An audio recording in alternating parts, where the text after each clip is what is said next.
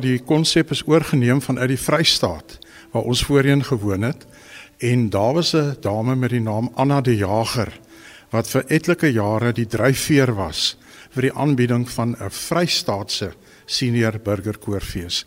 En sy het my op 'n stadium aangekeer om elke jaar die massakoor te dirigeer. Dit was 'n groot onderneming wat uiteindelik uitgeloop het op die deelname van 17 dorpe in die Vrystaat en het ons op die ouene gesit met 'n massakoor van 250 senior burgers op die verhoog. En toe ons nou in Port Elizabeth kom aftree, ek het nou uitgetree as dirigent van die Kantande koor in Port Elizabeth. Toe dog ek ek kan nie nou net heeltemal arms gevou sit nie. En toe kom 'n idee by my op, hoekom doen ons nie wat die Vrystaat gedoen het nie en reël 'n Oos-Kaapse senior burger koorfees. En um, ek het toe een aand 'n klomp belangstellendes genooi om die idee te toets en hierdie ywerige passievolle komitee het my gehelp om hierdie droom te laat verwesenlik wat ons nou hopelik op 17 September gaan aanbied in Jeffreys Bay. Ons praat nou met Bouwer van Rooyen. Dit is die man wat die idee geplant het om die Oos-Kaapse Senior Burger Koorfees nou in die lewe te roep. En in die agtergrond word daar al kliphard geoefen. Maar Bouwer, is daar genoeg belangstelling?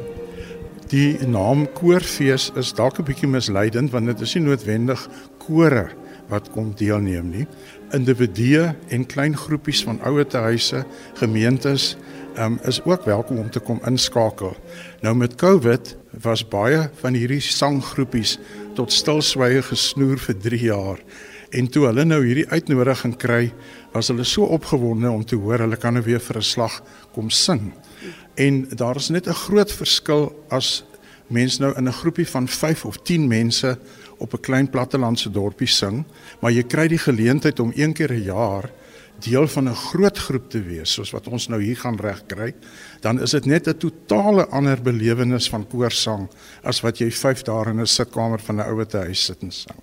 So dit was die idee om 'n groot groep bymekaar te kry en hulle die genot te laat smaak van 'n groot massa groep wat kan saam sing. Ek kan nou aflei uit jou antwoord daar is genoeg belangstelling, maar van waar af oral kom die deelnemers?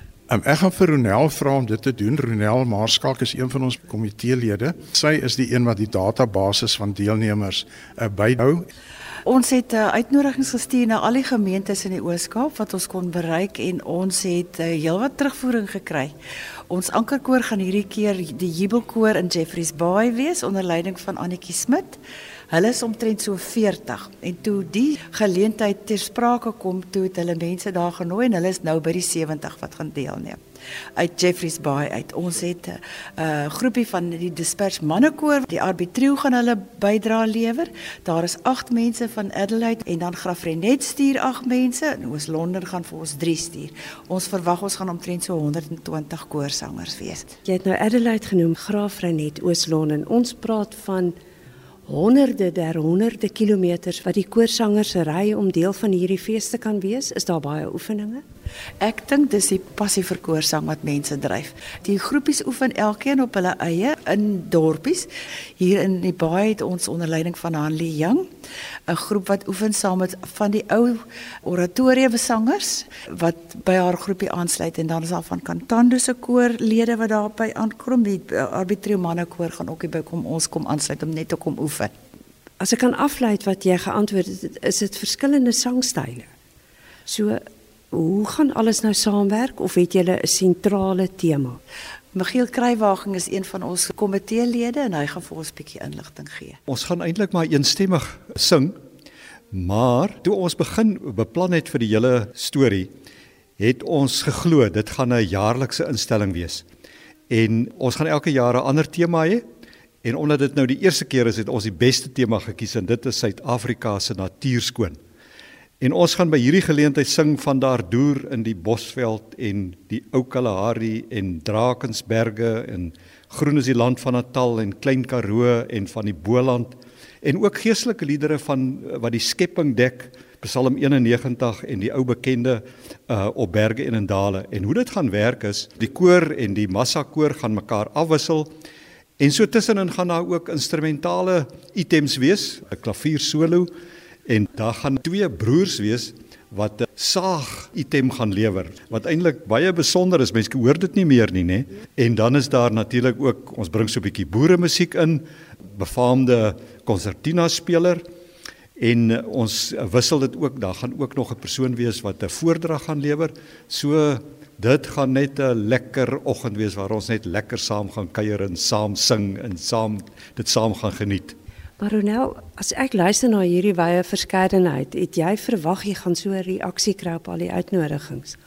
Weet jy van ek in Kantando se koor gesing het, het ek agtergekom watter hoeveel passie is daar onder mense om koor te sing. Ek het nogal so by 80 miskien verwag, maar nie by 120 nie en ek dink ons kan dit selfs klop as ons die mense aanhou motiveer.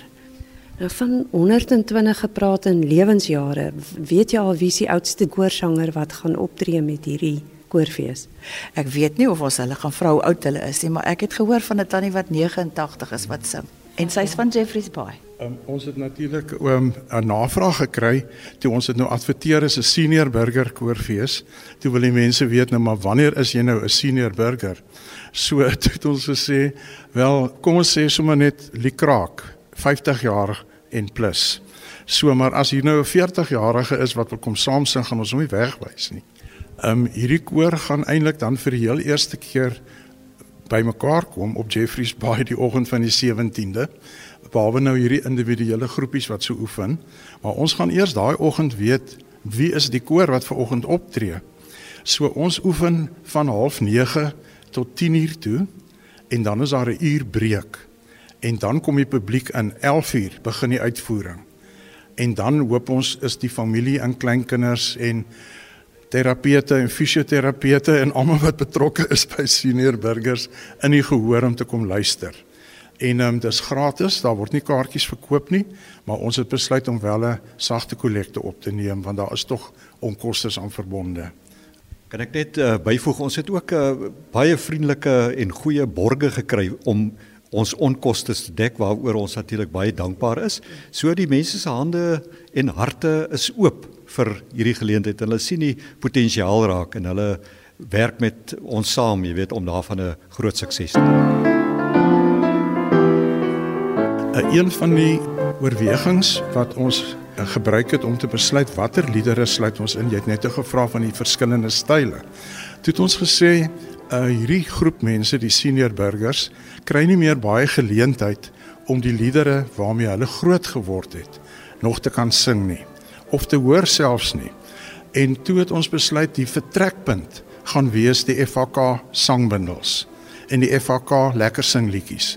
So dit is liedere waarmee hierdie groep mense groot geword het, spontaan gesing het op kampe, pikniks, wat ook al, maar dit gebeur mos nou nie meer nie. So dit is juis om daardie geleentheid te skep om weer 'n keer vertrou te raak met die musiek wat ons mee groot geword het en 'n geleentheid te skep om dit uit die hart uit saam te sing. Baie verhoog daardie Saterdagoggend. thank you